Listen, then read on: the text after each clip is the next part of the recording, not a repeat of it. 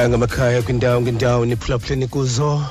Mandinibulise ke baphulaphula bomhlobo wenene. Xa kanye ixesha ke ngonje imizuzu elishumi elinanye ibethile emveni kwentsimbi yesixhenxe igama lam ndingumzuku esikafaleni kunye nani ke ngobu busuku banamhlanje.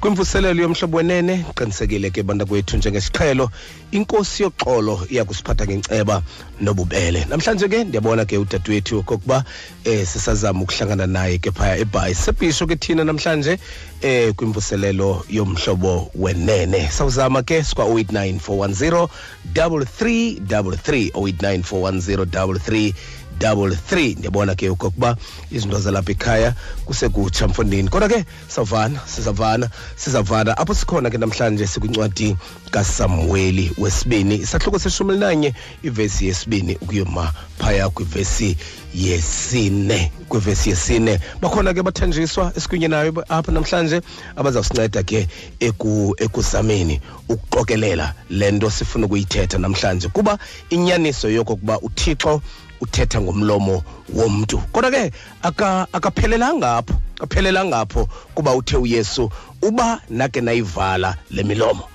Nje nenza impazamo yokuvala le milomo lamatye ayakuthetha. Kuba namhlanje kumele okokuba kuthethiwe. Ngoko ke yinceba nje kathixo okokuba umlomo womntu ibe nguthixo owusebenzisayo. Kodwa ke uthixo ethanda angasebenzisa nantoni na ukuze intando yakhe yenzeke. So ngamanye amazwi eh, ubani akangecingi okokuba ngaphandle kokuthanda kukathixo intando kathixo ayingenzeki. Ekathixo intando ingenzeka ngomntu ekhona engekho kuba umuntu ekho nje ukho ngenceba nothando likathixo namhlanje ke sinika imbeko kumakhosikazi eh elilizwe lomzantsi Afrika. Sinika imbeko kumakhosikazi elilizwe lomzantsi Afrika. Sithi kubo nxashoke kohana eh belilizwe. Abathandazi ababambi bemela kobukhali bayo. Sithi kubo ngaphandle kwenu inene ilizwe eli alingebi limi apho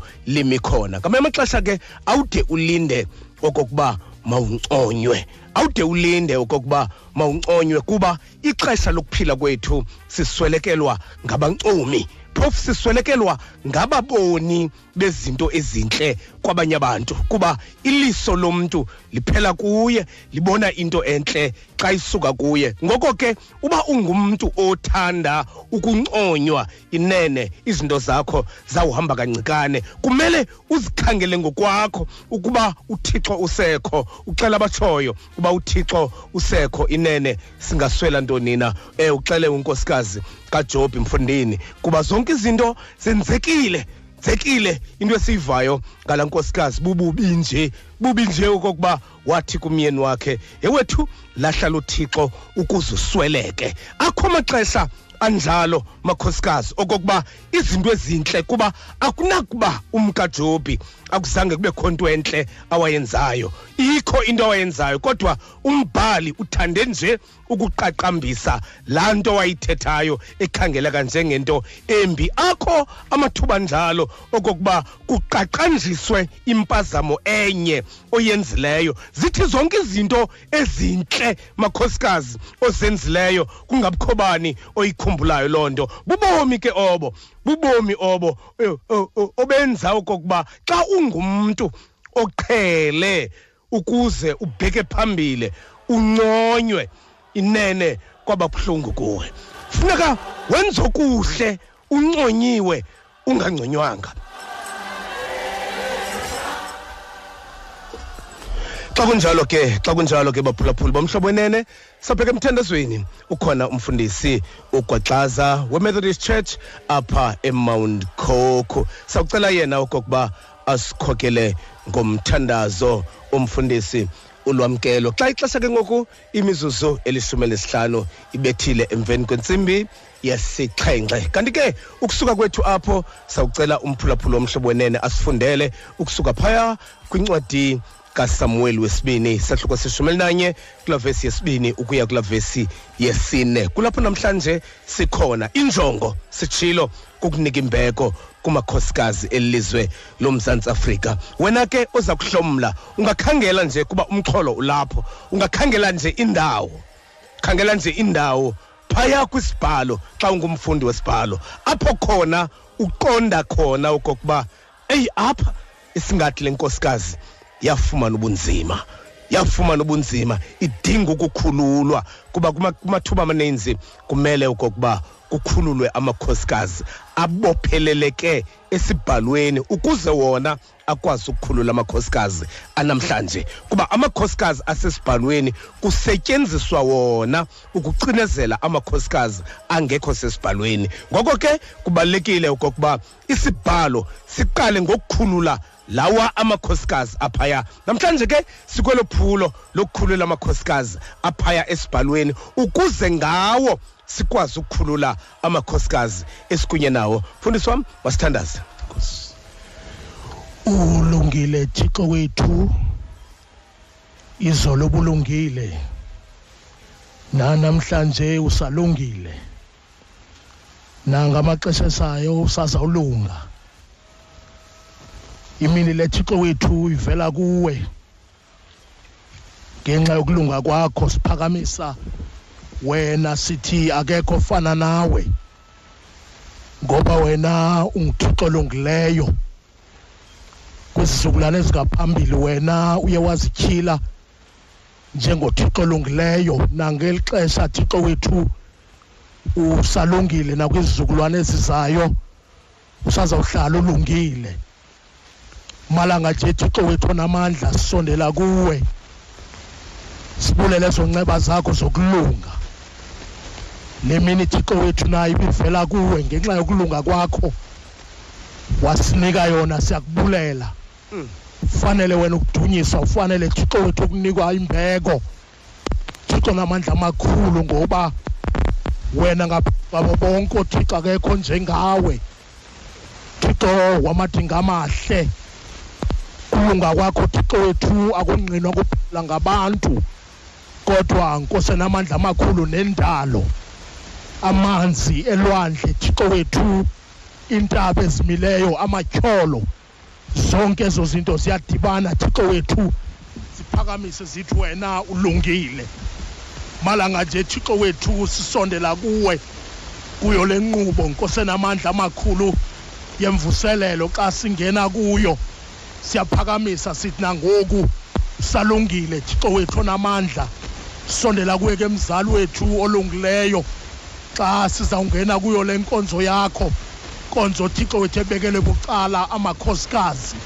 Thixo wethu olungileyo manye thixo wethu anamandla ahleli ngemincili ngovuyo kodwa thixo wethu akho ahlala ngenyembezi mihla nezolo. Siwasondeza kuwe thixo wethu sithi ukulunga kwakho makuvele kubo bonke abantu bakho. Umkhonzo wakho thixo wethu uzawutyhila ilizwi lakho. Sikelele ke thixo wethu umthamsanqelise umphamandla okutoleka ilizwi lakho. Sithandaze le mvuselo iphefumlele ngomoya ingcwele. Siyakuthandaza ke thixo ethi iva ke thixo ukuthandaza kwethu ngoyesu kristu inkosi yethu. Ngoku nakunaphakade amen. Amen.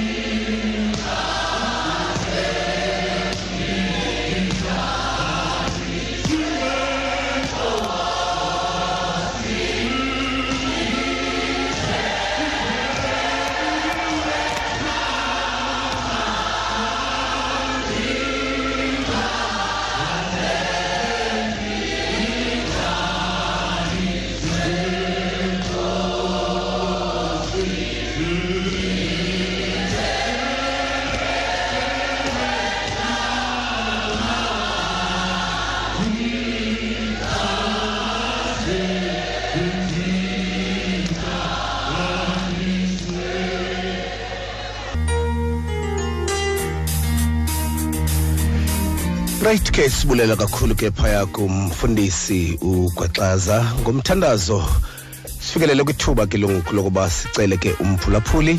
Phaa ekhaya asifundele ilizwi 089 410 33 089 410 33 sikwa kwincwadi kasamuel wesibini isahluko seshumi elinanye siqalisa ukufunda kulaa vesi yesibini xhaxhe kulaa vesi yesine. Sawucela ke umphulaphula kokuba asifundele kuloo ndawo. Emva koko siye kumfundisi ujaxa. Nguye ke ozawusibekela umxholo wanamhlanje.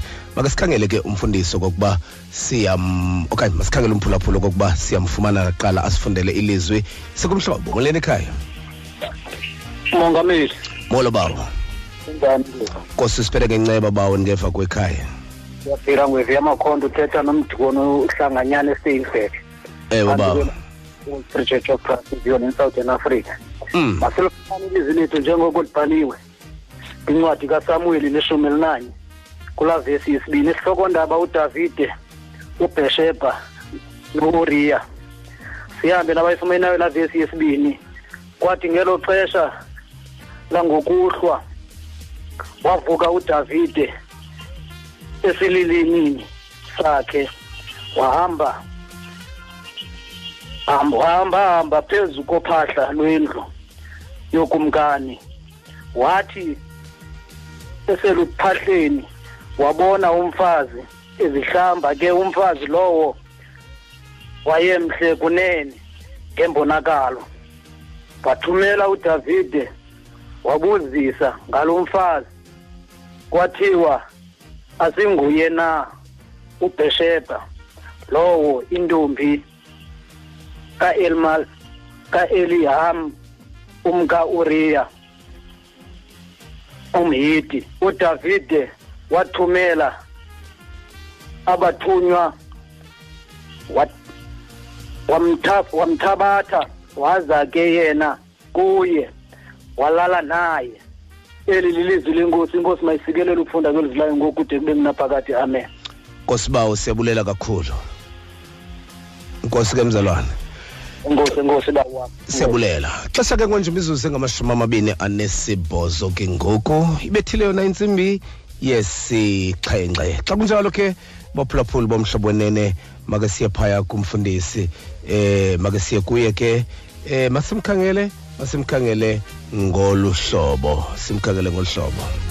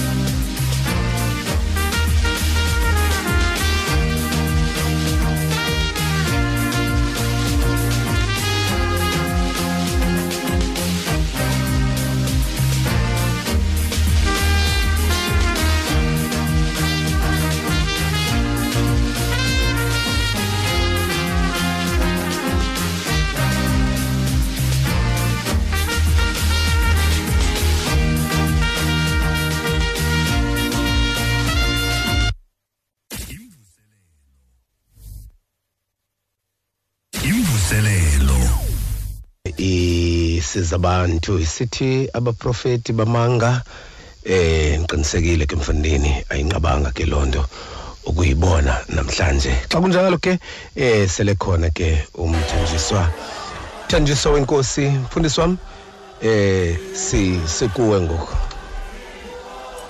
Kule vesi yesine kwesi sahluko seshumi elinanye kule ncwadi kasamueli wesibini masibambeleleni baphulaphula emakhaya.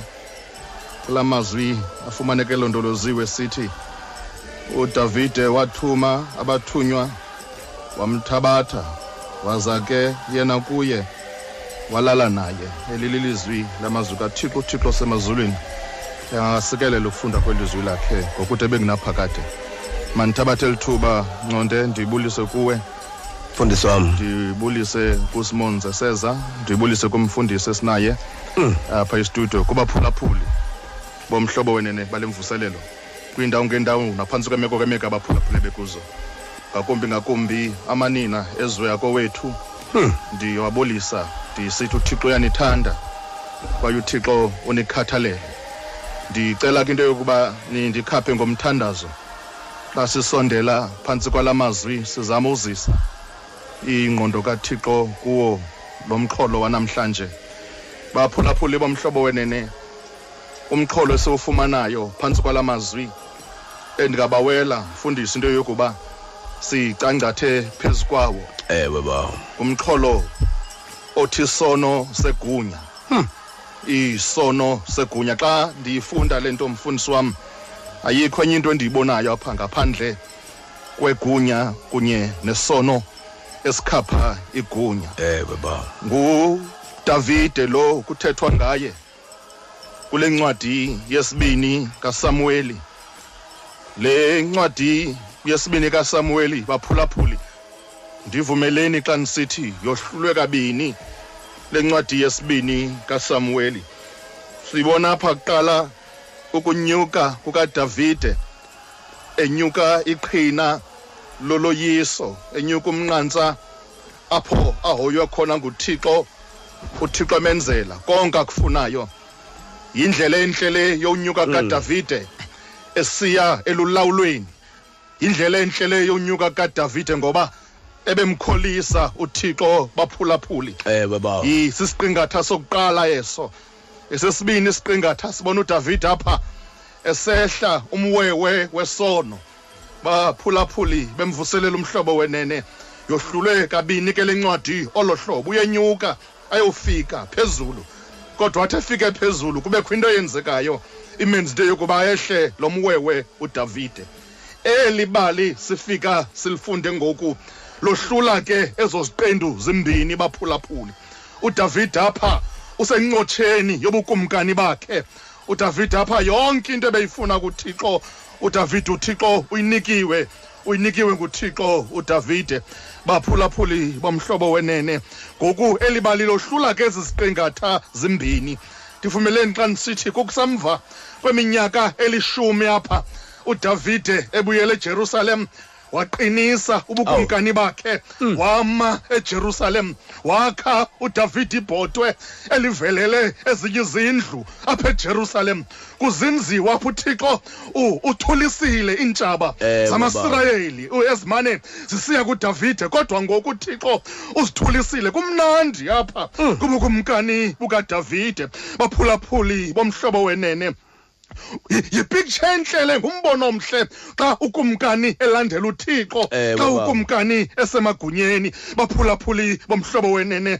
Esi sahluko ke siqala ngoku kunyaka omtsha ngentwasahlobo kuthiwa xa iqala lo nyaka omtsha udavide ukumkani wathatha iholideyi wathatha ikhefu umfo kathixo. Wa- wathi akazuya yena emfazweni koko wathumela amajoni wakhe wathumela amabulali bakhe into yokuba baba. baye emfazweni. Baphulaphuli bomhlobo wenene uyawukhumbula into yokuba kwasirayeli ikumkani ibibamba iipositions ezimbini. Ikumkani wasirayeli. Okokuqala ikumkani i- ibiyi-political leader. Yiyo ibiyintloko yezopolitiko. Wasirayeli kumkani. Eyesibini i- ijuti yokumkani kwasirayeli. Ku- kukuba yi-religious leader. Imamela uthixo into yokuba uthi abantu bakhe makabasendawunina baphulaphuli bomhlobo wenene kodwa ngoku sibona udavide ethatha ikhefu kwimisebenzi yakhe yobukumkani baphulaphula emakhaya. Watyiwa sisithukuthezi ngoba inkokheli xa ingawenzi umsebenzi wayo ityiwa sisithukuthezi. Umhlobo wenene udibabalisa xa ityiwa seso sithukuthezi yaphakama kwisilili sayo yajikeleza. Xa utshona ilanga yajikeleza. Apha phezu kophahla xa ijikeleza ityiwa sisithukuthezi. Baphulaphula emakhaya. Yabona yabona intokazi umfazi kwauriya ehlamba phezu kophahla lendlu yakhe. Uthi udibabalisa udavide wamnqwenela wabuza into yokuba ngubani nalowa baphulaphuli emakhaya yasondela indoda yamxalala yathi hayi kumkani hayi kumkani Mm. ungayijonga yonke into kodwa kumkani ngumfazi womntu lowakumkani Ewe, Hayi, kumkani hayi kumkani leya yi- yintombi kaeliyam intombi kaeliyam lowa Mm. igorha lakho davide ngoba uyisewa la ntombazana Ulotyolwe lo ngoku ligorha lakho eliya. Leya ntombazana ngumzukulwana kahitopele. Abantu ababelwela wena davide bethembekile kuwe. Hayi davide laa mntu lowa ngumfazi wegosa lakho davide. Ewe man. Umfazi womnye indoda lo. Davide ewe davide ungukumkani kwaye yonke into oyifunayo ungayifumana.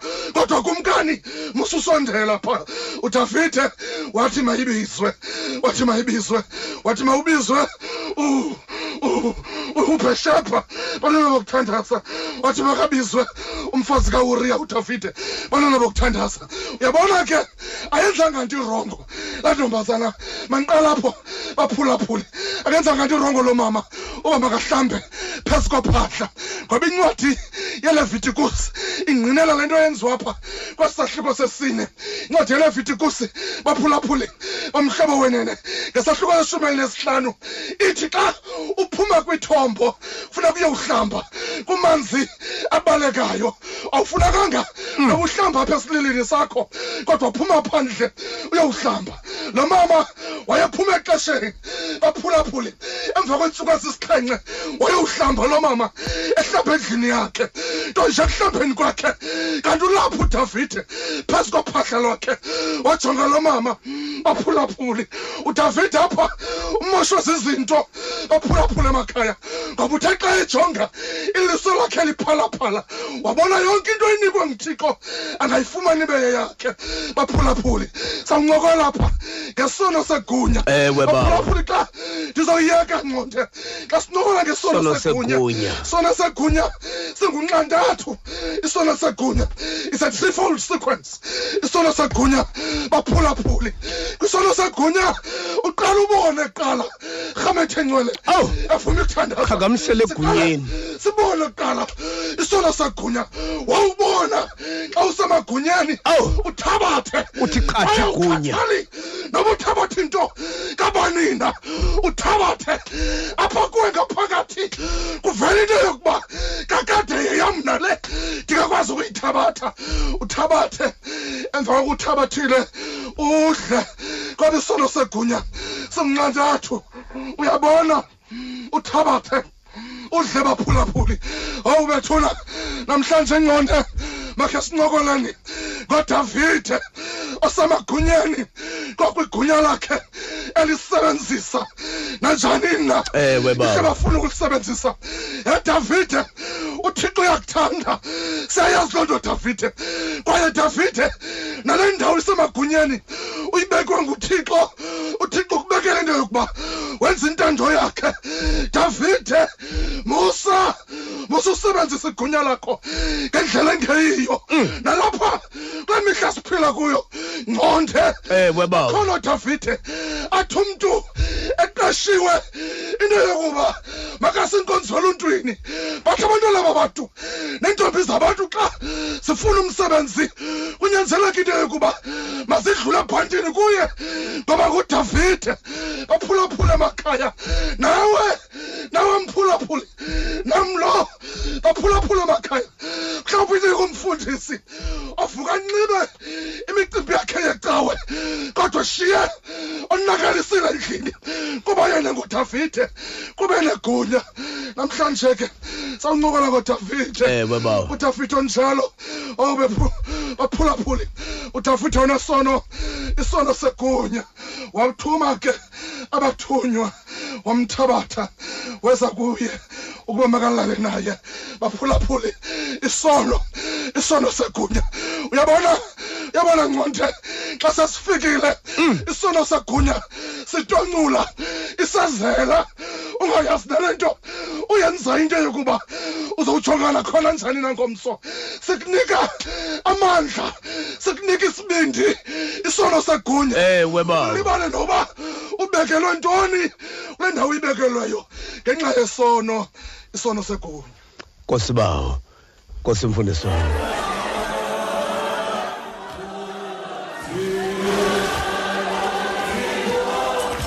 xa kunjalo ke xa kunjalo ke baphulaphuli bomhlobo wenene kosimfundisi wam siza kuni ke ngonje. Sikwa-089 089 410 33 089 410 33 isono segunya. Kulapho sikhona ke namhlanje kule ncwadi eh kaSamuel sahluko sesibini kwivesi yeshumi elinanye. Suka phaya kula kwisahluko se Samuel wesibini isahluko seshumi elinanye kula vesi yesibini ukuya kwivesi yesine. Kulapho sikhona. Mfundisi wami ke uyishwangathela ngokuthi lumkela isono segunya. Hmm lumkela isono segunya kuba ekuqaleni kwegunya ngalinye kukho isono esibuthumileyo ecaleni kwegoba xa unegunya awu uhayi wakho uba mncikane ngoba uhamba indlela emfutshane. Le ndlela ihanjwa ngabantu awuyihambi ngoba unegunya wena. Ukhawuleza uyokufika ngoba igunya liyinqwele ekhawulezileyo ekusapho uthanda ukuya khona. Udavide zonke izinto ebekumele oba uzihloniphile wayeka ukuzihlonipha ngoba igunya lenza izinto ebezinokufika kunyaka ozayo zikhawuleze zifike msinyane. Ngoko ke uba usegunyeni lumkela isono segunya ngoba baninzi abangamaxhoba baninzi abanengongoma nanamhlanje ngenxa yokwenzakaliswa ngamadoda namakhosikazi ngenxa yesono segunya. Sihamba kancikane sihamba kancikane. Asikubethi emagxeni xa siza kufika ngoba kuthiwe kudavide ewethu ilumkele le nkosikazi ilotyolwe yaye umyeni wayo usisicaka sakho. Kodwa lathi gunya uba ndinegunya ndimele ukunqamlana lapho. Ewe kunjalo baphulaphula bomhlobo wenene. Lumkela isono segunya ngoba isono sihamba ecaleni kwegunya. Sikunika amandla kunjalo nje sibona izinto ngokwahlukileyo sihluthe intloni ngoba isono segunya sinjalo kakade. Sikwa-89 410 3333 sikumhlobo molweni ekhaya? Sikumhlobo molweni ekhaya?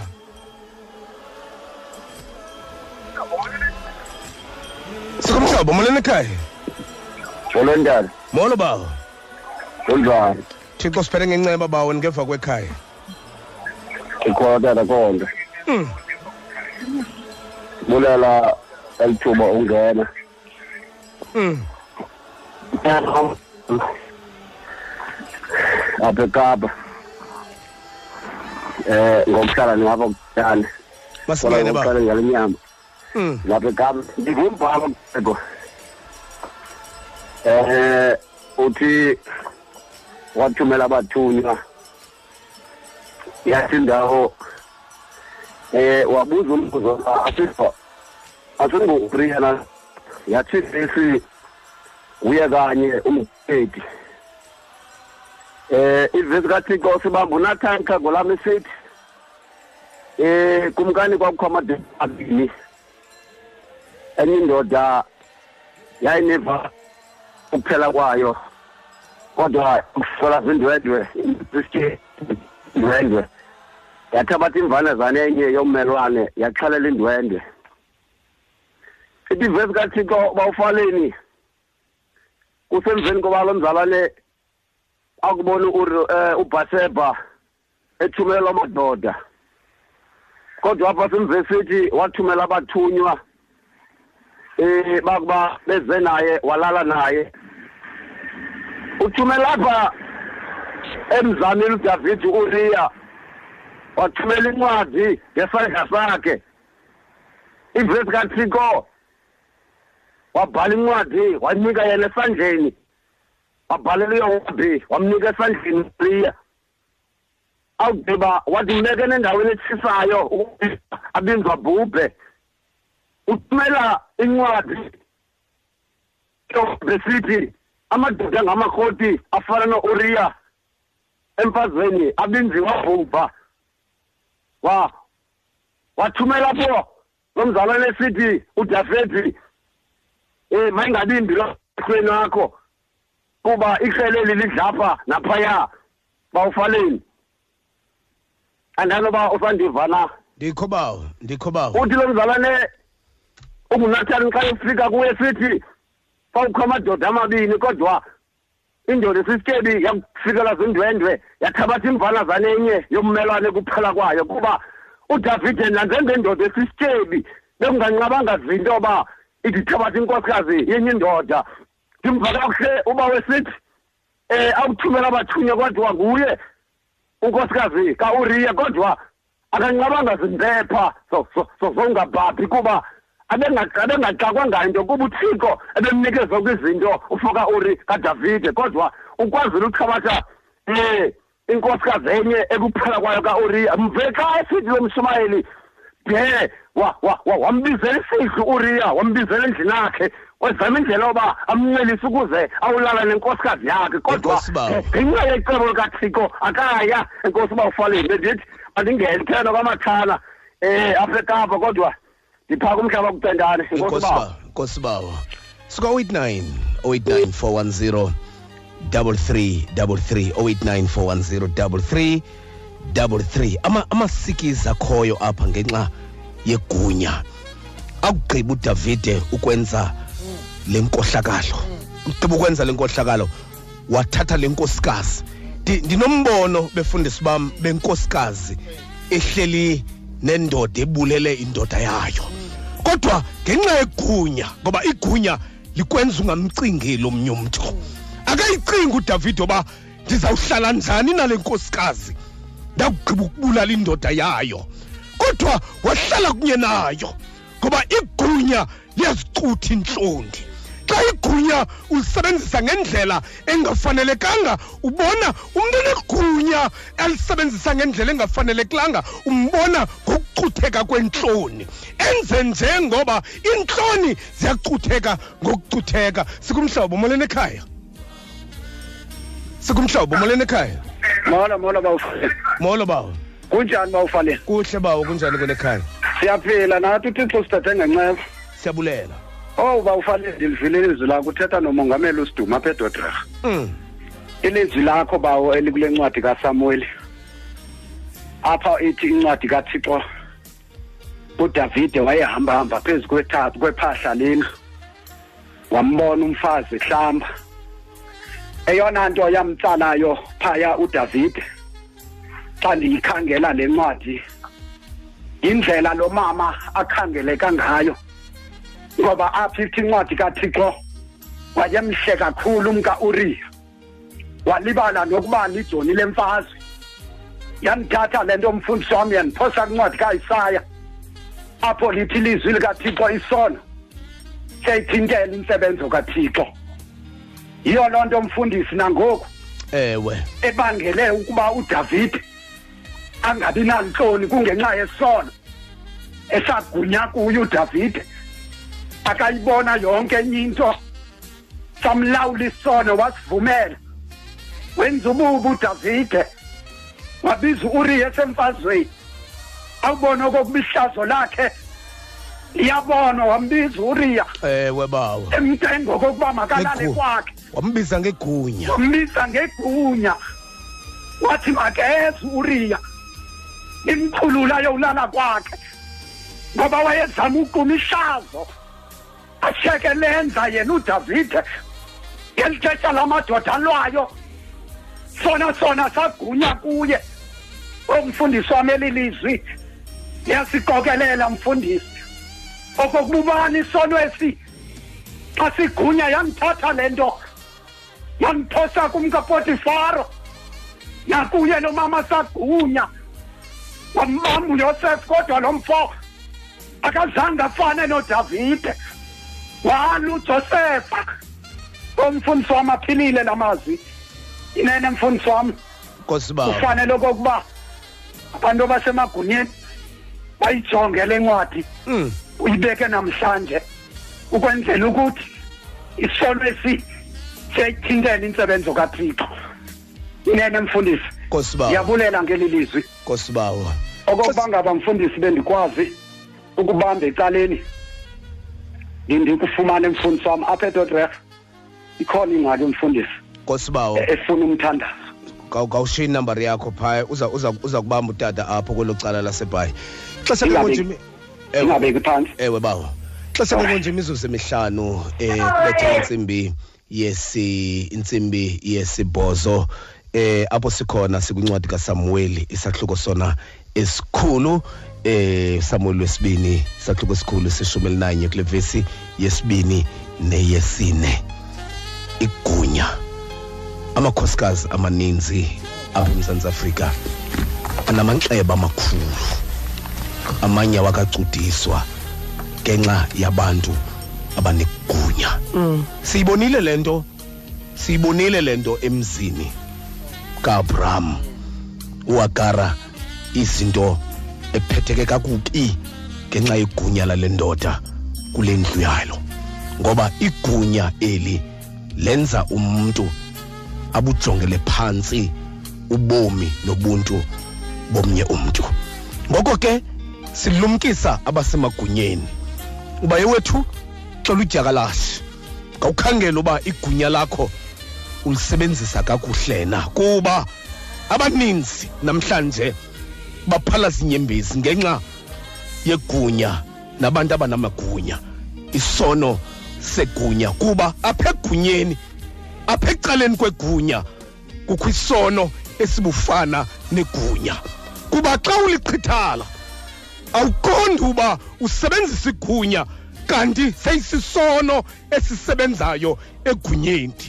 Kwaba njalo kudavide ecinga uba ndisebenzisa amandla okuba ngukumkani kanti seyingamandla esono kuye ukumkani ezinto ziyafana mphulaphuli. Kunjalo nje xa zifana zingenza ungaqondi kakuhle xa usebenzisa enye kanti sowusebenzisa enye.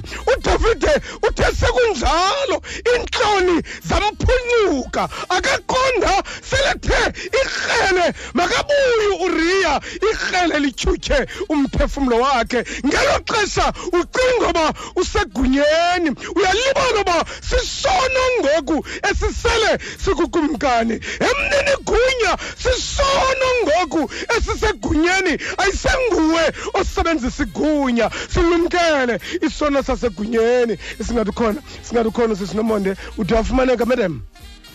Dala mfundisi ndithi khona ndiphulaphuli ndiyabona ndiyabona ndiyabona Masa- masame nawe usowusise ezindabeni. Masame nawe usowusise ezindabeni. Ndikhumbuze ke mphulaphuli siphaa kwincwadi kasamuel wesibini sahluko seseshumi elinanye ivesi yesibini ukuya kweyesine kuthethwa ngesono segunya. Imizuzu ngoku mibini phambi kwayo intsimbi yesibhozo. Ndibulisile mphulaphuli kwiindawo zonke eniphulaphuleni kuzo. Ndifuna ukuthi nje xa kubhubha ulungu losapho izidingo ezifuna imali zamalungiselelo omngcwabo ziye zangamele ukuzilela lowo uthe walandulela eli. Yiyo loo nto kubalulekile ukubana ube nekhava ukulungisela wena okanye ulungu losapho lwakho. Uzenzela umhla ukufika kwelifu elimnyama. Ipolisi enye we-one life cover ingakufaka wena namalungu alishumi elinesithandathu osapho lwakho. Iquka inzuzo yokugoduswa komzimba yegrosari neyelitye lentloko lesikhumbuzo zifumanele ikhava efikelela ku-100,000 100,000 rands. One life namhlanje esemesa ukhava ku-40438 40438 baza kutsalela kusebenza amaxabiso abekiweyo oku-sms kukho imimiselo nemiqathango. I-one life yi-fsp ethenjwayo negunyazisiweyo i-one life iguqula ubomi. Sele khona ke umkhaya wakho mfundisi. Kodwa ke masikhawuleze silungise zekhaya ingathi zikhona bezishiyekile okanye ndiyaphazama. Hayi iya iyamondesi ndiye ndiyabona. ndiye ku- ku- ku- kumkhaya wakho ezindabeni okanye ezekhaya ezi? Hayi bethe zekhaya bethe zekhaya uyawulinda wena.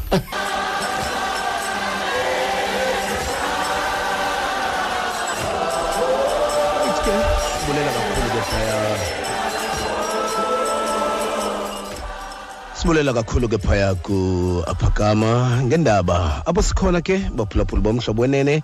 Danki mondesi siyabulela ke uba sikwazile ukuhlangana nawe ke madam. Kunjani ekhaya? Uphinde wazimela? Hayi mfuna ndizimelanga Oh, oh, oh. ndikhona. Oh, oh ndiyabona uba eh andazi noba sithi abazimelayo kwelicala sebhisho okanye nguwena. Nimane nitshona niphinde ndivele mfundisi Ewe. kodwa ke kuhle kulungile. No no kuba njalo. I- indlela umfundisi kalokileyo kakade Ewe, yokutshona xa ungumfundisi phinde uvele. Ya, akufuneka uvele kokoko akufuneka utshone kokoko xa Unjalo ke wena. ya xa ungumfundisi. Ya apho sikhona ke mfundisi eh sithetha i- isono segunya. Negunya esonweni. Ndive kakuhle ya sono segunya negunya esonweni. Ngoko ke ngoba ezi ezi zinto zombini ziya zingathi ziyafana nomonde. Njalo mfundisi. Ya ukuzibona abantu abanamagunya uqonda uba akaboni ngo ucimba usebenzisa igunya kodwa sesebenzisa isono egunyeni. Egunyeni. Ya ubomba heyi sisono esi simlawulayo eh ngoku kodwa ucinga uba ligunya lakhe. Kulapho sikhona ke namhlanje kuba lamagunya nomonde kumaxesha amaninzi siwabona ebhexesha amakhosikazi. Siwabonile kwizibhalo. Siwabonile kwizibhalo. Siwabonile amadoda. Simbonile uamnon esebenzisa igunya njengeprince njengomntwana njengenkulu kakumkani. Esenza unothanda edlakazelisa udadewabo ngoba unegunya. Ngoba unegunya. yivi yivi igunya lakhe nomonde? Xa xa iza kwenzela inyala esithi mabaphume bonke abantu phandle. Baphuma bonke abantu ngoba kuthetha indoda enegunya. Baphuma ba yakugqiba yayenza intando yayo. Yiva yakugqiba ukwenza intando yayo idlakathelisa udade wayo yasebenzisa igunya yabiza umfana yathi khupha le nkazana ihambe apha. Yenza njalo le ntwana ngoba kuthetha indoda enegunya. Kuyiloo nto sisithi namhlanje kwaba namagunya ewethu lumkele igunya ngoba igunya liyafana. Isono esine- esisegunyeni siyafana negunya elisesonweni. Ngoko ke lumkela siyibonile le nto nakulothe esebenzisa igunya. Kwakufika indwendwe endlini yakhe esithi lo mfo yimani ethatha iintombi zakhe nabo abantwana bam yenzani unothanda kubo ngoba le ndoda inegunya akhona amakhosikazi nangoku aphala zinyembezi ngoba azizisulu zokuxhatshazwa ngamadoda anegunya. Ewethu lumkele igunya ngoba ngenye imini liza kurhengqela athi udavide lekumhlazisa igunya lakhe aye kuthixo esithi ndincede ke ngoku. Dala phakathi komkhosi intliziyo entsha ngoba le ndinayo inamanyala. Ewe bantakwethu kungenxa yegunya ngoba linjalo igunya lokunika intambende. Kanti xa izawuphela uzawuziqinyela kwangayo. Kuba njalo namhlanje isono esinegunya kulapho sikhona negunya elisesonweni lumkela isono segunya. Ah nkosi yam. Siza kuke ke mphulaphuli ngoku phaa ku-89 for 10 double three double three. Okanye mfundisi size kuwe kukhona umfundisi onaye apho Eh, Mo- ozawuphinde Mo- mondisi Yebo, tata. si si be- besinganqwena. Ma- ma- masize kuwe masize kuwe kodwa ukhona umfundisi ukwaxaza apha eh sizom sizomnika naye kuba apho sikhona mondesi sizama nje ukukhusela amakhosikazi Ewe, tata. kweli kweli kweli kweli gongqongqo ligunya. Ya kuba ka- kumaxesha amaninzi nomonde abantwana abangamantombazane banee-cv eziphilileyo nezifanele imisebenzi. Kodwa ilishwa abanegunya banombuzo kajudas othi ungandinika ntoni ndikunike lo msebenzi? Ngenxa ngenxa yelugunya ngenxa yolegunya Ngenxa ngoko ke uthixo makasincede nomonde kuba igunya likufutshane esonweni. Nesono sikufutshane egunyeni. Ngoko ke xa usegunyeni xa usegunyeni ngakubilisa igunya lakho ukhangele oba inene akukho sonona ngoba phaya ecaleni kwegunya kulapho kulele khona isono. So uba uba usegunyeni uba unikwe nguthixo igunya namhlanje ngawukhangela uba ecaleni kwegunya unalo akukho sonona ngoba isono ngamanye amaxesha siyajika sizenza igunya. Uthuba ke wena amehlo akho anenkungu ungakwazi ubona uba ngoku awusasebenzisa igunya kodwa usebenzisa isono esinegunye esisegunyeni. Ngoko ke make sikhangele kuwe ke nomonde sizokhangela emva koko size kumfundisi. Size kumfundisi. 089 410 3333 imizuzu ngamalishumi elinesibini emva kwayo intsimbi eh yesibhozo kumhlobo yona na-fm sikwincwadi kasamuel isibini. Sahluko seseshumi elinanye funda nje ivesi yesibini ukuya phaa kwivesi yesine. Sibulisile kuwe ekhaya mhlobo? Hello. Molo, Yebo, Mthunzi, ninjani kuhle baba enkosi kunjani kuwe? Sikhona nansi ngithanda uchabalala ncamaka eh betata um betata ndifuna ukuphefumula kweli lizwi libekwa komfundisi nomonde pha. Uba ndilithoba lokusetyenziswa kwegunya kwamna. Mm. umntu asebenzisa amagunya akhe. Mm. um asebenzisa igunya lakhe. Mm.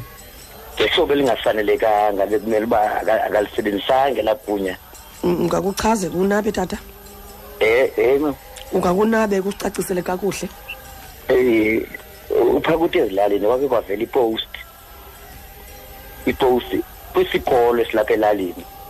And andaxelelwa le post esikolo ndisincede kakhulu ndisincede kakhulu esi sikolo. Mm. i started a reading club kwesaa sikolo. Okay a community club.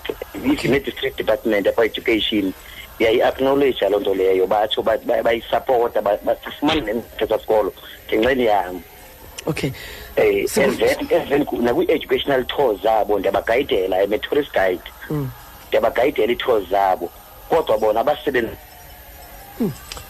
alright igunya labo. Okay igunya labo loba mandingayifumani sikuvile bawo. Sikuvile Hello? Bawo sikubambile sikuvile bawo sikubambile Okay. siyabulela. Masifumane nje omnye umphulaphuli um kuzawuthandazwa kodwa uthixo uzawunceda nawe ke xa ubonakala ngathi uxhaphazelekile masihambise Ewe, kumphulaphuli. Ku- kunjalo, Mm, Nomonde. eh, ukuba naye uxhapha- Ya. uxhapha- uxhaphazekile. No- nomonde akuyingokuba imfundo yakho ingakanani na? Ingakanani na. kuya ngokuthi ukhona na umuntu onegunya omaziyo? Njalo mfundisi. Akuyingoba ufunde kangakanani na? Mm, kuya ngokuba imfundo wazibani ayinani kwiindawo eziphezulu. Kwaya ngoba nomonde wazibani onegunya Kwindawo akuyo. ngoba lo umaziyo uba unegunya uza kwenza izinto njengodavide zenzeke. Njalo. intando yakhe nentando yakho iza kwenzeka ngoba kusebenza igunya. Eyi, nkosi yami. Nkosi mfundisi um sibulisile kuwe ekhaya mhlobo molweni ekhaya mhlobo molweni mhlobo molweni ekhaya mhlobo molweni molweni molweni sinomonde. Molo bawo kunjani ekhaya? Kamandi kunjani sinomonde? Uhle bawo enkosi akho nto uthetha nofizi lebhanise usta Mm. sithetha ngegunya. Ewe tata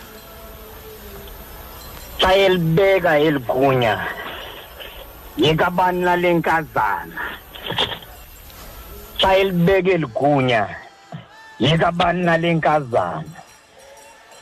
Uthi xa eyijonga kuthiwa ngumka uriya ehlabheke ezantsi abe nezithunywa zithumela phambili uba mazibe nokulanda ukuba ngubani nalona kanye kanye.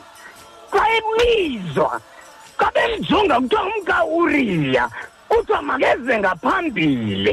Ngeli xesha ijongileyo le nto ingqangunile ngaphambili kwenye icala usathane uyasebenza ngoba usebenza ngomntu ongumama ngoba umntu ongumama kanasidima. Uyafana nasesouth africa ngoba esouth africa nangeli xesha liyasebenza igunya lisebenza kuye umongameli. Umntana omntu xa embonele ityala yena kube negunya. Uthatha igunya lakudleka ezikoti uba yonke into eyenzekwayo ethethwa yiyo le nkazana mayingaziwa esizweni ngoba kusebenza igunya ngake lasebenza igunya wasiwa intombazana kuyesu kodwa mfundisi lo mntu simbambileyo namhlanje simbambe ngeqeza ngokomthetho wamayuda. Into eyenzeka yinye uyaxutywe ngamatye wena uthinina yafika indembelele yezulu yajonga phantsi yabhala ngonyawo yajonga enasono makamqulube. Ngoba kaloku akanasidima. Ike zabe ijonga le nto bayibona uba ugweba kwabona uyesu wamshiya xa iphakamisa intloko uyesu ubuza nkazalandini kazalandini uphina abamangaleli bakho? Uthi akukho bikho nomnye uthi hamba ungaphinde wone namandi ugwebi enkosi sinomonde. Enkosi kakhulu ke bawo siyabulela. Imizuzu ngokulishumi nesixhenxe emva kwayo intsimbi yesibhozo kumhlobo wena ne-fm mandize kunike mfundisi kwelo cala ibhisho enkosi kakhulu siyabulela kakhulu mondesi siyabulela kakhulu. Si si sifuna ukucela uxolo nomonde. Ewe mfundisi. Yes ku kuba kubaphulaphula ngakumbi amakhosikazi. Amakhosikazi. Ya ngakumbi amakhosikazi nomonde. Ndi ndibona uwakare bona uwakare nomonde. Ebethwe ligunya. Ah, ebele kumntwana wakhe. Ebheka entlango. Igunya lithe kuye. Hamba uyabuthanda khona. Ya uyabuthanda khona kuba emveni koba eh, kunjalo kakade nomonde. Nkosi. igunya liyakusebenzisa kuqala. Lakwanela. Lokulahle phandle ngohlobo olufuna ngalo. Ngoko ke namhlanje sizama ukuthi kwabanamagunya ewethu unga ungazidla ngamanye amaxesha. Ucinga uba igunya lakho ulisebenzisa ngendlela efanelekileyo. Kodwa lumkela lento isono segunya siyafana negunya. Negunya ngokwalo xa lisesonweni alibethi ikloko ngolo xesha udavide wayezidla ecinga oba usegunyeni. Kanti ngalo lonke lo xesha utsibile umthetho kathixo. Sele siva ngunathani xa isithi lo ndoda kumkani eyenza amanyala nguwe kanye. Ngoko ke xa usegunyeni lumka ngoba isono sikufutshane. Sikufutshane isono somntu osegunyeni ngoba sihleli nje sithatha indlela emfutshane indlela engahanjwa ngabanye abantu. Sihamba sona sihamba lona sona. Mfundisi wam make sive ngawe. Enkosi kakhulu bongameli bandibulise kuwe ndibulise nakumfundisi esinayo apha estudio. Mm. ndibulise usisi nomonde. Olentethe ndibulisa abaphulaphuli bomhlobo wenene emalanga nje kuyo le nyanga yomama. Ngelihle igama lenkosi yethu yesu kristu amen. Mandisondele nam kuwo lo mxholo wanamhlanje. Ewe bawo othetha ngesono segunya. Solo segunya. Into endiyiphawulayo apha mongameli nawe mfundisi wam Mm. ndiphawula into yoba igunya lalingenanto. Hmm. kodwa ingxaki udavide owajongana nayo yoba wathi njengoba esenyuka ebheka phezulu esiya etronini. Ewe. Wathi kanti njengoba esenyuka wembathwe sisono Hmm. ezinto zahamba zahamba zahamba zahamba ngaxeshane zade zafika phezulu. Hmm. wathi akufika phezulu udavide wonganyelwa. Ligunya lesono walibala izinto ezintle walibala nezinto ebethe xa esuka apha phantsi ngoba igunya lenza loo nto lenza into yoba umntu alibale nee-principles ebenazo. Ndimbona udavide xa esenyuka esenyuka itroni wazilahla ii-principles ngoba wayesele onganyelwe. Yile nto esithi sisono Segunya, ewe. Wathi kanti ngelo xesha sizawumthatha isono segunya singahambi naye ixesha elide. Sahamba ke sahamba samlahla samlahla kude udavide ngoba isono segunya uyonwaba namhlanje kodwa ngengomso singakonwabisi ngoba le nto Ewe. uyenzileyo ayikwenzi into yoba wonwabe ngonaphakade ngoba isono segunya senza loo nto ukonwaba kwakho kuba ngumzuzwana yiloo nto udavide athi xa evela umfo wakwathixo esiza naye eziphethe intonga zigqwesa intonga kubethwa intonga sesono segunya unathane esiza nanku udavide intliziyo yakhe yayingathi ikrazuka kubini ngoba isono segunya senza loo nto Ewe. Namhlanje yonwaba Oh. kodwa ngomso ngomso Siyakubambisa.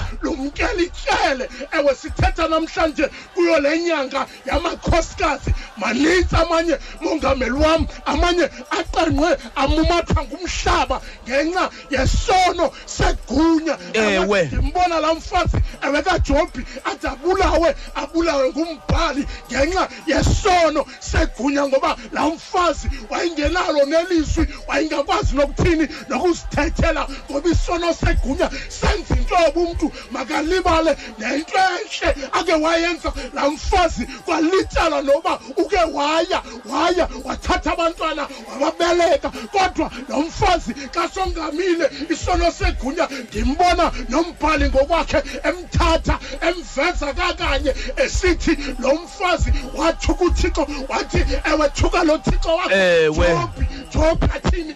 Ewe ufe ngoba lo thixo wakho akakuncedi. Ewe lo mfazi wabulawa ligunya lombhali ngoba igunya kakade lenza loo nto licima nento entle ithinto intle kodwa igunya Libulale. liveze libulale licinezele nento entle ewe kodwa into eziyithethayo lumkela isono segunya Lumkela isono lasegunyeni. segunya. ewe namhlanje kodwa ewe liyazi ixesha loba sibethwe sibethwe intoka nawe ucela udavide utshomasi kadavide lakuphela amandla esono segunya ewe dala ngaphakathi kwam intliziyo ehlambulukileyo ngoba igunya kakade linjalo namhlanje upha phezulu kodwa kodwa ngomso uzowusa uhambe phantsi lumkela ke ngoku isono isono Lumkela isono segunya. ungaziboni ungaziboni nezinto ezinhle Kosibawo.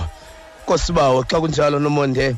Eh namhla namhlanje nje baphulaphula bomhlobo wenene ku ku- kukothusa. Kothu. Uba uba ubekwe nguThixo egunyeni.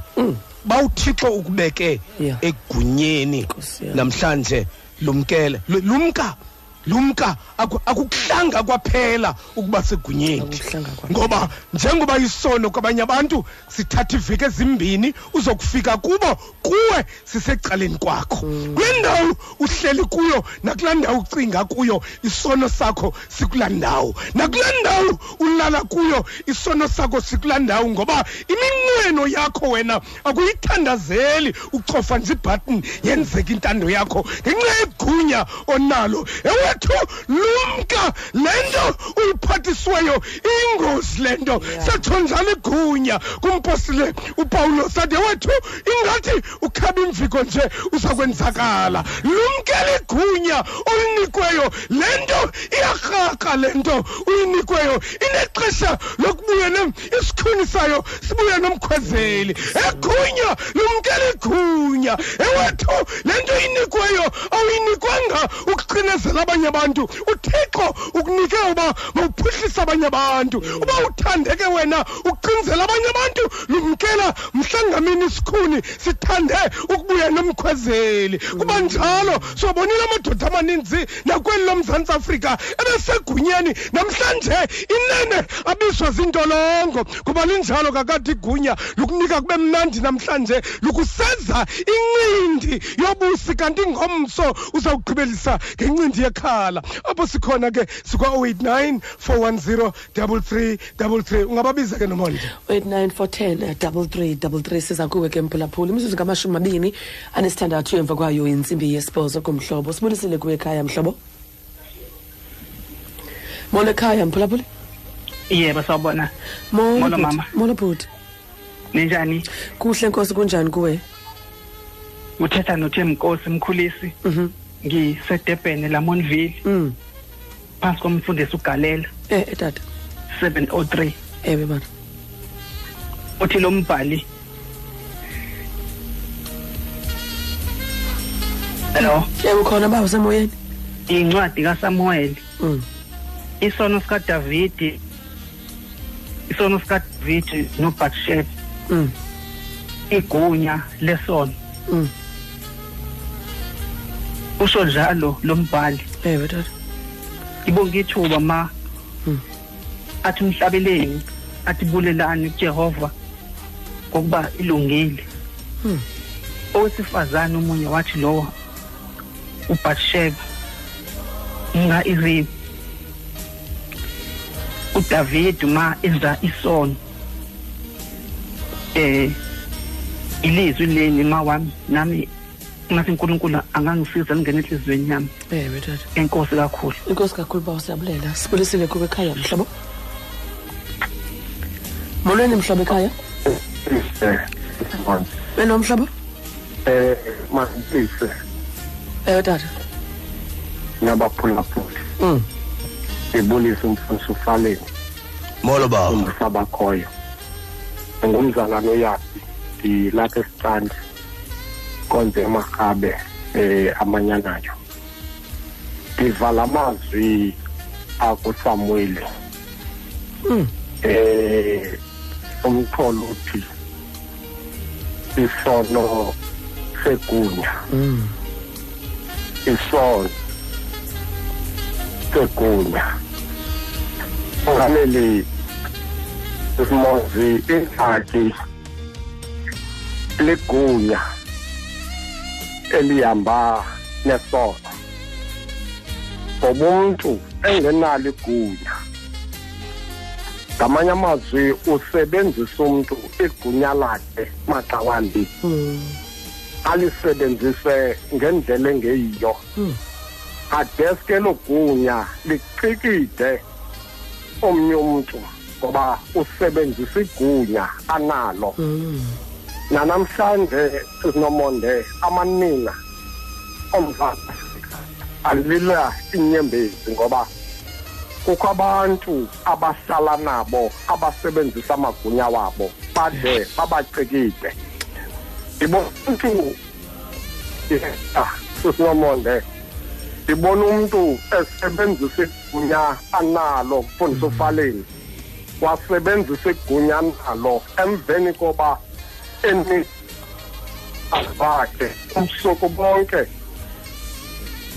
eh, abantu esebenzisa igunya ukuze abe negunya analo emveni koba eh, benze uzithandela wavuka wabeka lo emadeni engambuza oba kwenzeke ntoni na wathatha imela ibhoso wamthatha wanikela inyama yakhe basirayeli maxa wambi ku- kukho abantu abam- abawasebenzisa ngendlela engeyiyo. Emveni koko saqala isizwe sathi isizwe. Leni nto ayizange enzeka kwasirayeli na makuthethwe ngezi zinto. Ku- ku- ngoba isono mongameli si- silandelwa ligu kunene ehamba kunye xa umntu lo uyenzayo eyisebenzisa ngendlela engaphucukanga. Kodwa xa usebenzisa igunya lodwa kwazoba loo nto uyiphathisiweyo uyisebenzise ngendlela ephucukileyo kodwa bangaba uthe apha wafuna ulisebenzisa ngendlela engeyiyo ibangoba loo nto kube kubani onqinayo ngoba usebenzisa isono segunya igunya mongameli leli takhe lenzakalisa ufaro wathi wafuna indlela yokuqikida abantwana bakho ngoba usebenzisa amandla anawo ngegunya mm inkosi kanti ulawula isoneli ngoba igunya xa ulisebenzisa ngendlela engeyiyo ekaleni kwabo I- i- ila- i- i- i- ilayini yakho bawo imbi kakhulu. Enkosi siyabulela kakhulu tata siyabulela kakhulu. Um nelayini yakhe ibiseyithande ukumhlupha. Um mfundisi ndiyarhala into okokubana um le nto uyithethayo into okokubana ke sibize amakhosikazi angamaxhoba esono segunya into okokubana. Segunya, ndimthandile Nomonde. umfundisi um xa ebesithi xa ebevula le vesi ethetha ngayo uthi ubatshiba wayengamoshanga ngento okokubana makahlambele phezu kwendlu.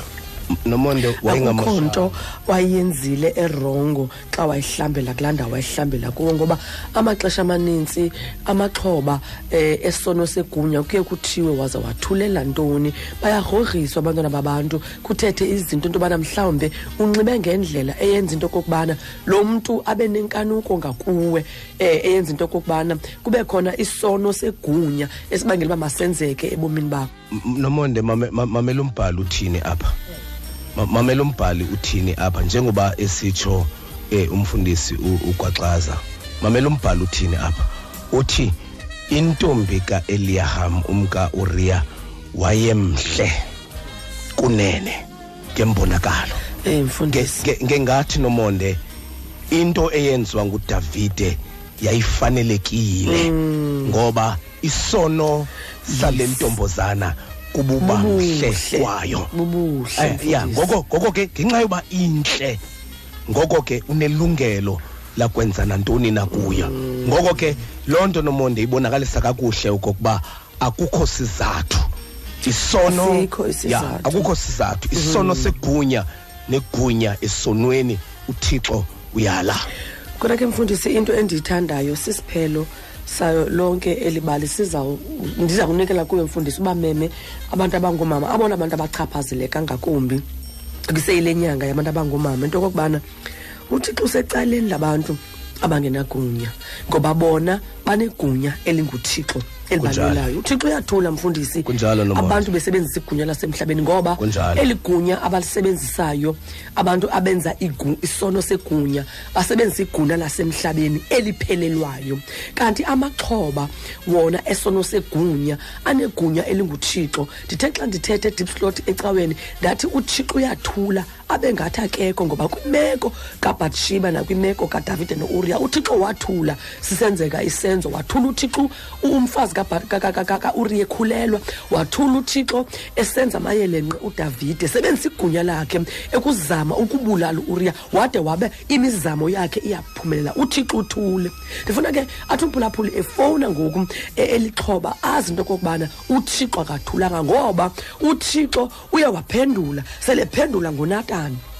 Ezomxela udavide into okokubana igunya ond- ebendikunike lona ulimisyuzile ngokuxhaphaza abantwana bam endibadalileyo. Ewe, namhlanje iphela apha iphela ngoku. Ungaqhuba mnikazi wegunya ungaqhuba yona menzi wobubi usebenzisa igunya kodwa uzu- usuxa ubona izinto zikulungela ungacingi into okokubana uthixo akaboni okanye uthixo ubasingele abantu ababonakala ngathi abanagunya. Uthixo akathuli and uthixo akabasingeli abantu bakho unguthixo wethu sonke.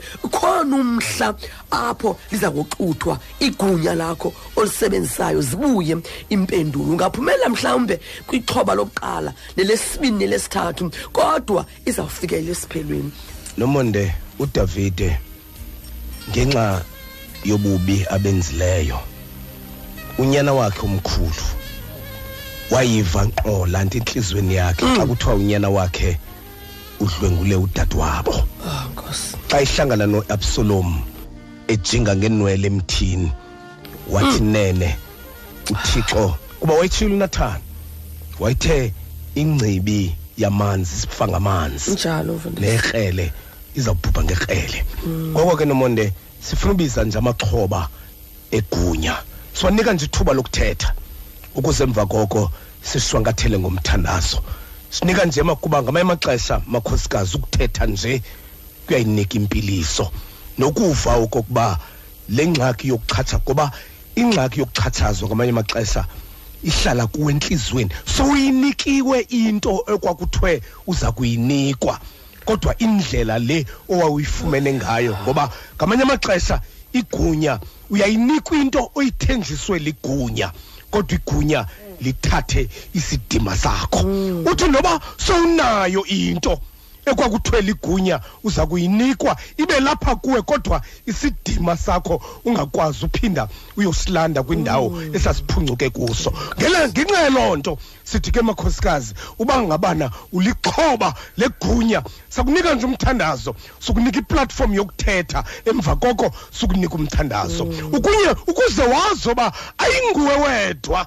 Ukuze wazoba ayinguwe wedwa ubheshebha wayengenamandla okuthi anizokuyenza le nto kumkani ngoba ukumkani wayenegunya wambona uba uba le ndoda inamandla okubulala umyeni wam ingandibulala nam. Ngoba xa igunya linjalo lifanele lenze nomonde. Maninzi amadoda namakhosikazi alele kobandayo ngenxa yamadoda namakhosikazi anegunya. Ngoba xa unegunya wenza unothanda ulibala uba umntu lo ngokathixo yaye uthixo ngexesha lakhe uyakhunga ngomntu wakhe. Ewethu uba unesazela qhubekeka ngegunya lakho. Iyezimini yoba uthixo athi kwanele utshilo kakade wathi ndithe cwaka wade wacinga uba ndifana nawe. Iyeza loo mini ngoba kakade isono segunya sihambahambe sime sikhangela loo makhosikazi uba uba unezivubeko zegunya sikunika nje ithuba lokokuba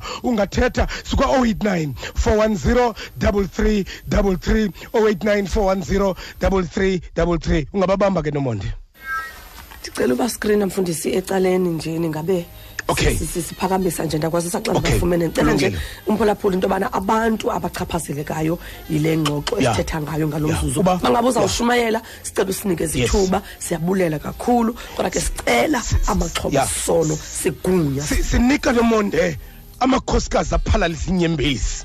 Athi bendingazi uba kanti uthixo uyayazi into eyenziwa kum ewethu noba noba yaziwa nguwe wedwa nalowo akuxhaphazayo uthixo uyayazi loo nto. Wena mxhatshazwa nawe mxhaphazi wayekho uthixo mhla uyenza le nto kodwa weqwaka wengangathi uthixo usidenge. Kanti ngawonke lolo xesha uthixo uyayazi loo nto. Kuyiloo nto ke sisithi wena mxhatshazwa uba uyayazi uba inene ndinale ntlungu noba ndiyazama ebomini bam kodwa le nto ndayenziwayo inene ihlele entliziyweni yam sikunikela thuba lokokuba nje namhlanje uthethe emva koko emva koko sikukhaphe ngumthandazo mfundisi wam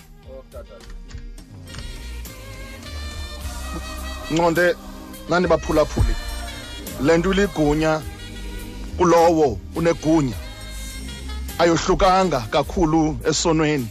Xa uzijonge zombini nqonde. Ewe bawo uzibona ngongathi ziyafana. Kwaye xa ungxamele ngowuthathenye ungazibona soluthathe nenye Solo uthathe nenye, uthathe mfundisi enye wam. ungazibona Sowuthathe nenye. ngoba isono negunya ziphantse ufana kodwa Mm. ingxaki yesono xa unegunya nengxaki yegunya xa unesono yinto yokuba isono esi baphulaphuli bomhlobo wenene isa- igunya likwenza uginye isazela xa usegunyeni Ewe. Xa nje uyenza le nto uyenze isazela sakho siginyekile ngoba isono siyaginywa baphulaphuli ligunya negunyeli liyakwazi uginya. Isono Ewe, yiva elagwala uyakobi kumlambo iyabhoki baphulaphuli. Yathi xa iweli yowuhlangabezana noesawu umntakwayo ingamazi into yokuba izawudibana naye ekwimeko enjanina ithi ibhayibhile yakhokhelisa kuqala uleya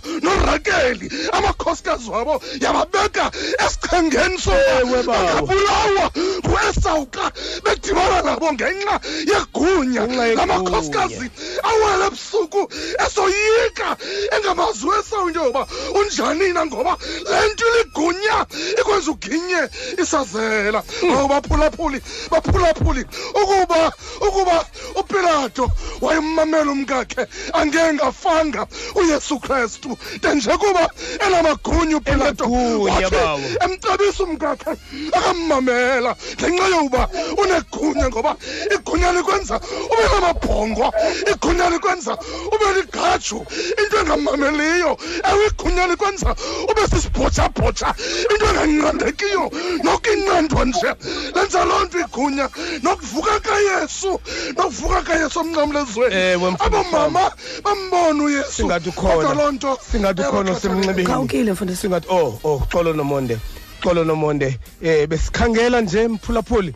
Besikhangela nje amaxhoba. Siyayazi uba akhwalilayo mfundisi wami. Akhwalilayo akhwalilayo mfundisi wami. Akhwalilayo mfundisi wami. Phaa asithi nam ndibulela nje uthixo bulela nje uthixo kanti uyayazi into eyenzekayo ngoba bendicinga ngoba uthixo akayazi le nto kanti uthixo uyabona. Ukongeza nje mongameli okokuba kule nto uyithethayo la mfundisi yoba isono segunya. Ungaphatheka kakuhle emini. Kodwa inyaniso yona okokuba amandla aso avuka nasebusuku. Ndakuxelela abantu abakwisono segunya angayenza into kusemini kube mnandi. Ewe. Kodwa phaya ebusuku wakuba yedwa umphefumlo wakhe uqhawukane naye ngoba isono segunya si asimelani nantoni nenyaniso. 0894103333 singathi khona okhoyo. Sikumhlobo moleni ekhaya. Molo tata. Molo tata ufaleni molo mama. Noba uzixelanga noba uzixelanga Mm. mama. Eh ndilapha isono segunya mna ndilixhoba tata kabini emsebenzini nakumntu ebendihlala naye. Ndahlangana naye ndinabantwana ababini kumtshato wam odlulile. Ngoku ndaye ndathi kuye lo tata lona ndi- ndifune istendi ndizokwakha. Wathi unestendi u- u- angamane enze i-change of ownership njengoba sesihlala sobabini loo mali endandizawuthenga ngayo istendi wa- wa- wan- wandithengisela eso stendi ngoku akasayenzi i-change of ownership. Xa sendithi makabuyise imali akasafuni uyibuyisa imali ngegunya eli wayithatha yonke imali yam i-eighty thousand yonke akakazayibuyisela namhlanje sendaze ndaphuma kuye akafuni ukuyibuyisa tata and ungumfundisi wasepostolo lo mntu lo. Unxiba ikhola yonke le mihla tata uyoma phambi kwabantu ashumayele. Mm. kodwa e- ngegunya lakhe kodwa apha endlini akunanto endiza kangoba sendize ndaphuma ndamshiya ndicela imithandazo ingathi naye namhlanje uba qha akathethi ele olwimi lwethu unoba Mm. kayiva noyiva le nto uza- yenzekayo uza- ya uzawuyiva kodwa ndiyamcela uthixo engathi angangena nakuye akasebenze ngayo emfihlakalweni ta nkosi mama nkosi ndiyabulela mama I- isono segunya befundisi bama sinakhola. Ya isono segunya asinakhola asina asikuba ezipulpitini mfundisi wami. Ya li- lila silapha isono segunya. Ya amabandla azintsalo ngenxa ngenxa yesono segunya mfundisi wami. Silapho nangoku abathanjiswa bakolonkoloza ezitolongweni ngenxa yesono segunya kuba xa xa sisepulpitini siyingozi mfundisi wami. Kuba sixutywa nelizwi likathixo. Xa sixutyiwe nelizwi likathixo kunzima ukusohlula. Ucinga uba lo mntu unegunya lokuthetha njengomthandiswa kathixo kanti ulawulwa sisono segunya esiphaya kuye. Esingathi ukhonokhoyo sikumhlobo moleni ekhaya? Sikumhlobo moleni ekhaya? Ngithatheke kakhulu sisi sikumhlobo moleni ekhaya molweni mama? Mo- molo molo molo tata ufaleni ninjani ekhaya?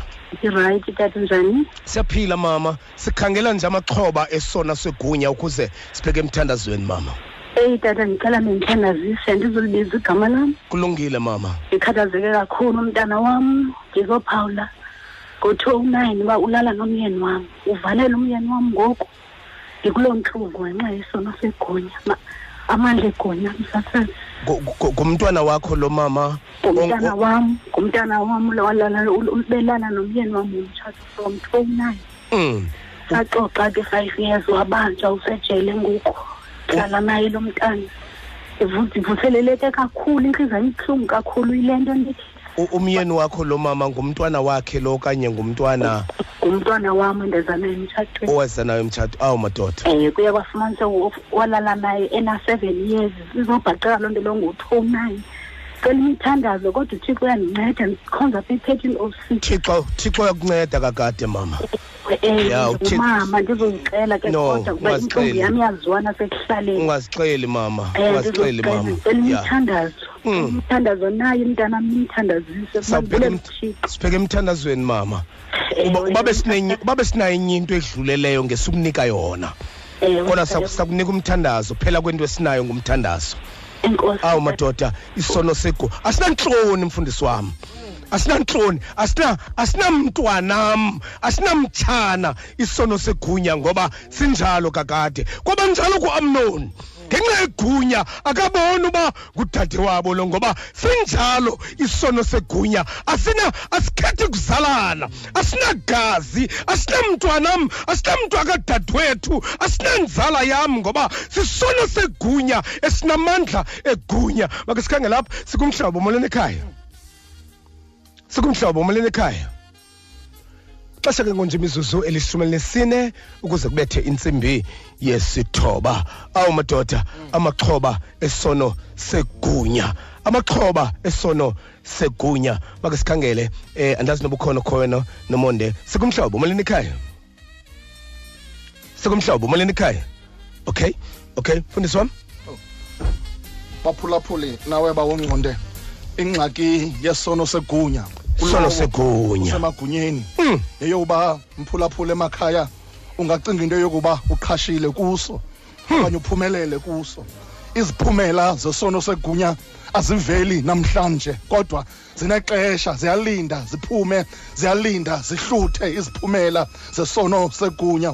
Udavide wayecinga into yokuba ugqibile kwaye le nto ayibonwa. Kanti into yonke uyijongile uthixo walinda uthixo ubheshebha makazale kuqala. Emva kokuba ezele ubheshebha emva kweenyanga ezisithoba emva kokuba ubheshebha ezilile ezilele uuriya u- umka indoda yakhe wasuka uthixo waphendula emva koko. Wathi davide ubucinga into yokuba andiboni ulibele into yokuba ndinguthixo kho endaweni zonke ndinguthixo kho ngamaxesha onke nawe nawe mphulaphuli emakhaya ukuba ungusamagunya yazi into yokuba uthixo nakuloo desika yakho ngaphaya kwedesika uthixo uyabona ngaphaya kwepulpiti samagunya osepulpitini ngaphaya kwepulpiti uthixo lo uthixo ibonayo into yenzayo ngaphaya kwepulpiti yakho nawe mphulaphuli kule ndawo u- usamagunya wa- wathatha kuwe ngenkani wasebenzisa amagunya akhe. Uthixo wayekho linda nje linda nje mphulaphuli linda nje umzuzwana. Uthixo uyawabuyekeza Mfundisi wami. uyawabuyekeza amagunya. mfundisi wami u uth- ujezebhele Yebo, Dad. molo mama. Kunjani? Thixo usiphethe ngenceba mama. Kunjani kwekhaya ngiyaphila andizozichaza dad kulungile mama. Kulungile mama. Ngabhudelwa ngubhuti wami wayendifundisa kwaphela ubhuti wabe mdala lewethu nezishiyembeni into engapha kwe-twenty years. Mm. waseza wandifundisa. Wandifundisa ke but eso certificate ndiyasiqaphela nangoku because eyona nto ndayi-enayo ngaphezu kwento yonke yi-h i v. Hmm. injalo. Ngenxa yesono segunya mama. Injalo. Ngoba ngoba xa And ikufu xa konke ikufundisa xa ikufundisa wawunyanzelekile wenza intando yakhe ngoba linjalo igunya Ndandiveleke, ngoba ndandingazazi noba ndizawulala ntendini awu mama. Wabe ndixelela ukuba ndenzela yonke into futhi wandenzela nyhani. Mm. eba ne-h i v. Ne- ne- neso certificate ngoku asisathethi into kuwe. Asithethi into nasiya andiphangeli nophangela awu mama. Thixo akuphathe ngenceba mama. Si- sithandazela nje uba uthixo akunika amandla ukwazi ukudlula kulo meko. Ngoba nguye kakade odlulisayo. Nkosi mama mfundisi wami si sizaw sizaw sizawubheka emthandazweni. Be- bendisathi nje u- ujezebhele wathatha isitampu somyeni wakhe. Ya wasibetha ephepheni kuba efuna esebenzisa igunya. Sebenzisa igunya nalo wasibetha ephepheni. Singathi ukhona khoyo singathi ukhona khoyo sikumhlaba moleni ekhaya. Bendibuza mfundisi uba ndithathe na mhlawumbi eh mondesi isingathi ngesibheke emthandazweni. Ngathi ngesibheke emthandazweni nomonde kuba inyaniso yokokuba eh maninzi amaxhoba njengala. Ewe tata. Maninzi amaxhoba njengala. Yaye umyalezo wethu namhlanje umyalezo wethu namhlanje busithi uthixo uyayazi loo nto. Njalo. Uthixo uyayazi loo nto. Noba yayisenzeke emfihlakalweni uthi uthe uthixo ku-ahabi nomonde uthe uthixo ku-anahabi wathi yabona kanye laa ndlela kanye laa ndlela ahabi ikrele elityhutyhetyhutyhe ngalo isifuba sika sikanabhoti kuza kuba njalo nakwelakho sabe njalo nakwelakho ngoba aku- kugqibelisa uthixo. Yesamagunya kugqibelisa uthixo. Ungayenza wena into ofuna ukuyenza uphumelele kodwa uthixo uyagqibelisa uthixo. Ungayenza kunjalo nje wonwabe uzibethe isifuba uba intando yakho yenzekile ewethu kugqibelisa uthixo.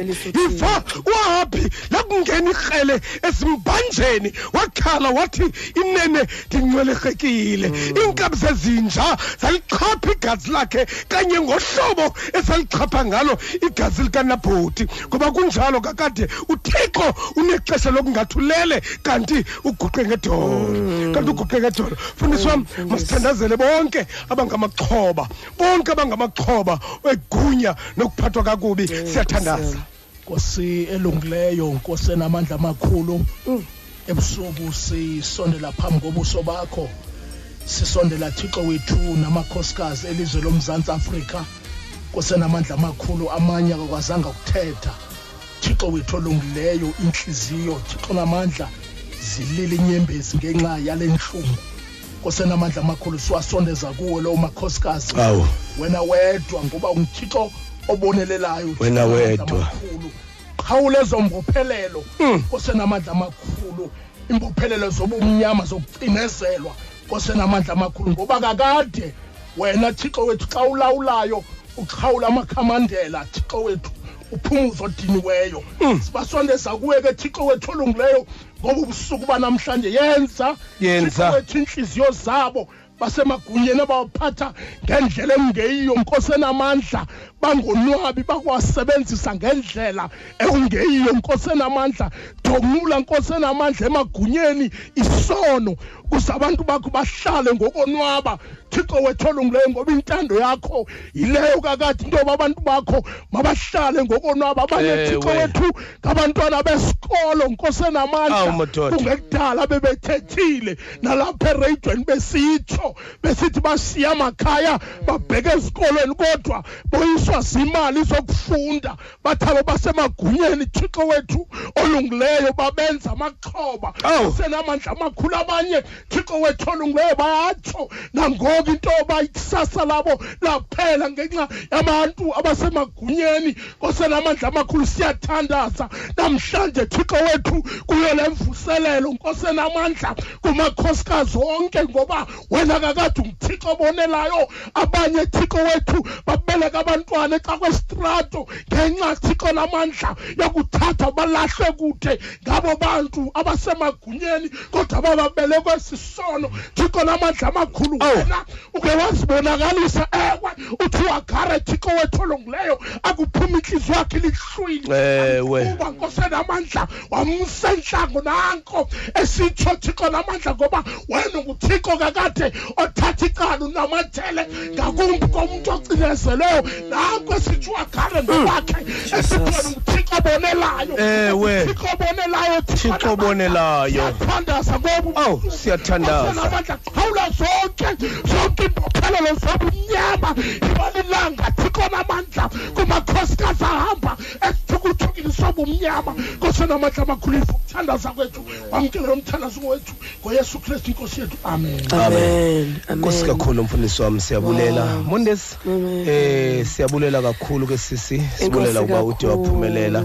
siyafuna nobulela nomonde abaphulaphuli eh ngokusixhasa kakhulu kule nkqubo eh kangangento yoba kwiveke epheleyo besithandazela umoya o- ohlukumeza abantu. Ya sokhumbula besithandazela umoya ohlukumeza abantu Mm, kwiveke njalo, epheleyo mfundisi. siyabacela ke abaphulaphuli bangayeki ukuthandaza. Ya bangayeki ukuthandaza kuba uthixo obonayo nguye okhululayo. Ngakumbi ngakumbi nomonde kwizi kwizinto ezinjengemvuselelo besinayo kwiveke epheleyo yes yes siyayazi ke wena abantu abafundileyo wena nomonde soloko bebona izinto ngokwahlukileyo. Hayi eh zizinto ezinatural ezo. Ingqondo yasewest ke kumaxesha amaninzi isoloko ibonakalisa ukuphanyaka. Ya isoloko ibonakalisa ukuphanyaka kumaxesha amaninzi. Ya siyathandaza ke kubo eh sibacela kananjalo kokuba baqhubekeke ekuthandazeni. Eh. siceliwe ngabantu abaninzi nomonde okokuba le mvuselelo yokuthandazela imimoya emdaka imimoya emdaka ya kuyafuneka ke iphinde yenziwe kusoloko kucelwa abathandazi ukuze bathandazele Bathandaze, imimoya mfundisi. emdaka. Kuba umthandazo nomonde ezinye izinto azidingi yeza onokulisela. Ezinye izinto nomonde azidingi eh icebo lomuntu kodwa zidinga nje uba inhliziyo yakho uyilahlele kuthixo ngokupheleleyo. Ya uyilahlele kuthixo ngokupheleleyo. Xa uyilahlela kuthixo uthi uba ndiyekelelwe nguwe ndakuphalala njengamanzi. Wawugqiba uthi uba thixo awuzondinceda. Uxela umoses athi umoses uba awuzondinceda. Ndiyeke ndifele kule ndawo ngoba andizukuphakamisa inyawo lam xa wena ungazukundinceda. Uthixo wethu nguthixo ovayo. Ndifuna ukutsho kubo bonke nomonde siye safumana ii-calls kwiveke epheleyo um kubantu abaninzi besithi um inene siye kwathi denene. Unjalo usathana uthi denene kodwa ningayeki ukuthandaza Ningayeki ukuthandaza. ningayeki ukuthandaza ngamanye amaxesha nomonde xa unenkolo enzima uthathe nebhayibhile le yakho uyibeke phezu kwebhedi yakho. Ubeke phezu kwebhedi yakho ngoba usathana. Xa unenkolo enamandla ayikho indlela. Mphulaphuli yokumkholisa uthixo ngaphandle kwenkolo. The more inkolo yakho nokholo lwakho luyaluqina ngamandla ngamandla uye usondelana nawe nothixo. Ngoko ke baphulaphuli yiyo loo nto nomonde soloko sithi kule mvuselelo kwinto yonke oyenzayo ungamncami uthixo. Kuba ayingawo onke amaxesha ayingawo onke amaxesha uthixo ephendula ngexesha ofuna ngalo Njalo, mfundisi. ayingawo onke amaxesha ngamanye amaxesha uthandazisa idala uthixo ethe cwaka engaphenduli yam. ngamanye amaxesha ude uyowulala emangcwabeni. Uthixo engayiphendulanga iminqweno yakho. Kanti uthixo uzayiphendula kubantwana bakho okanye kubazukulwane bakho ngoba unguthixo ekugqibeleni ophendulayo. ekugqibeleni. uthixo Unjalo, ophendulayo. Ngoko ke baphulaphula bomhlobo wenene ningayenzi impazamo Mm. yokumdela uthixo. Ungathi xa uthandaza ucinga uba akeva uyeva uthixo. Into endingena kuphendula yona yokokuba uzawuphendula nini na kodwa endiyaziyo uthixo uyaphendula. Kuyiloo nto esitsho njalo umculo walapha emzantsi afrika esithi nene uthixo ngokwakhe. Uyaphendula. Uthixo uyaphendula. Ndifuna nje mfundisi ilizwi lokugqibela into okokubana kubantu abangamaxhoba esono segunya um ze bayazi into okokubana abantu abanegunya mfundisi bayathanda ukucinga into okokubana uthixo bayamazi yonke into bayanayo in control. Udavide wacinga ubana kuba yena intandokazi kathixo he will get away with murder. Yes, Nomoya. Eh, kanti uthixo akunamsebenzi noba ubumenzele Yes, intoni Nomoya. ubulela ibhere wabulala ingonyama wabulala Nomoya. ugolayathi kodwa uzawubhatala So- sodlala ngomntu. sodlala ngomntu Yeah, abantu sodlala ngomntu. ngabakathixo and okokugqibela ndifuna ukuthi enkosi Yeah. kakhulu phaya edips lot kumfundisi ukuko eh umfundisi ukuko nomama uzizipho phaya egeorge kureverend phezile nomama uangel ureverend eh, siviwe nomama uangel enkosi kakhulu ke mamvika notata uvika phaya emotherwell kumawisile ibiyimpela veki emanxadanxada nawe mphulaphula Yeah, uyaliva yeah, ilizwi yeah, yeah, liyarhoxoza siyabona, siyabona. yambulela kakhulu uthixo ngento ayenzileyo kusuka apha eastern cape to western cape to erhawutini enkosi kakhulu ke baphulaphula Akube bomhlobo kuhle. nesidibene Akube nabo. kuhle. enkosi kakhulu ke mfundisi enkosi Siyabulela, ke Mondesi. befundisi ibunabo Siyabulela. apho. Yeah, enkosi yeah, kakhulu. ngabe- kule veke zayo siyadibana ke. Udibana nabani? Nawe kaloku. Oh oh hey sicela ufefe tata. Ngoba kuthiwa mna ndim obangela ubungemkela ufefe wena. mfundisi wami masiye ngamani uthixo sikelela ngamani uthixo bukhanyisa ubuso bakhe endleleni yethu. Ngamani uthixo diba iziginqe edile izintaba ngamani uthixo aqoba zonke intolo zomtyholo ezisingisele ngakuthi sisindisa kwizifo ezingumzekezenge neziluqubuliso ekugqibeleni uthi babalwe inkosi yethu yesu kristu uthando lothixo uyise. Budlelane bomoya oyingcwele bumane baphumla phezu kwethu. Ngokade biyo kwesibini inkosi yethu yesu kristu. Lonke ibandla lithi amen. Amen. Mondesi tata. eh niqinisekile ke waphakama unalo igunyana lendaba eh? Eyi mntana abantu shem. Nali usuke igunya. uloyike Nali- neligunya nali ongaziba woko. ligunya le- Nali la- woko ligunya wokwana. elirayithi na ngoba amagunya Nali woko. maninzi. Awuna- Ile- uneliphi igunya? Nali unele woko kufunda indaba diske lingqangqazelele negunya. Neligunya eli nali woko wokwana leli lilikwe igunya lendaba noba li-ethe-ethe ligunya Eh, kodwa igunya njalo li-ethe-ethe, naku sibongele sizane lakho igunya nayo kugcwele amagunya apha. omnye Wonke umntu usomagunya wonke lo. umntu unegunya Omnye lakhe. usomagunyana nothando lo. unegunya lokuqulunqa masibheke ezindabeni mfundisi Ndakubona. nkosi bawo siyabulela manje lisebenzise ngoku ixesha eliqalekileyo intsimbi yethuba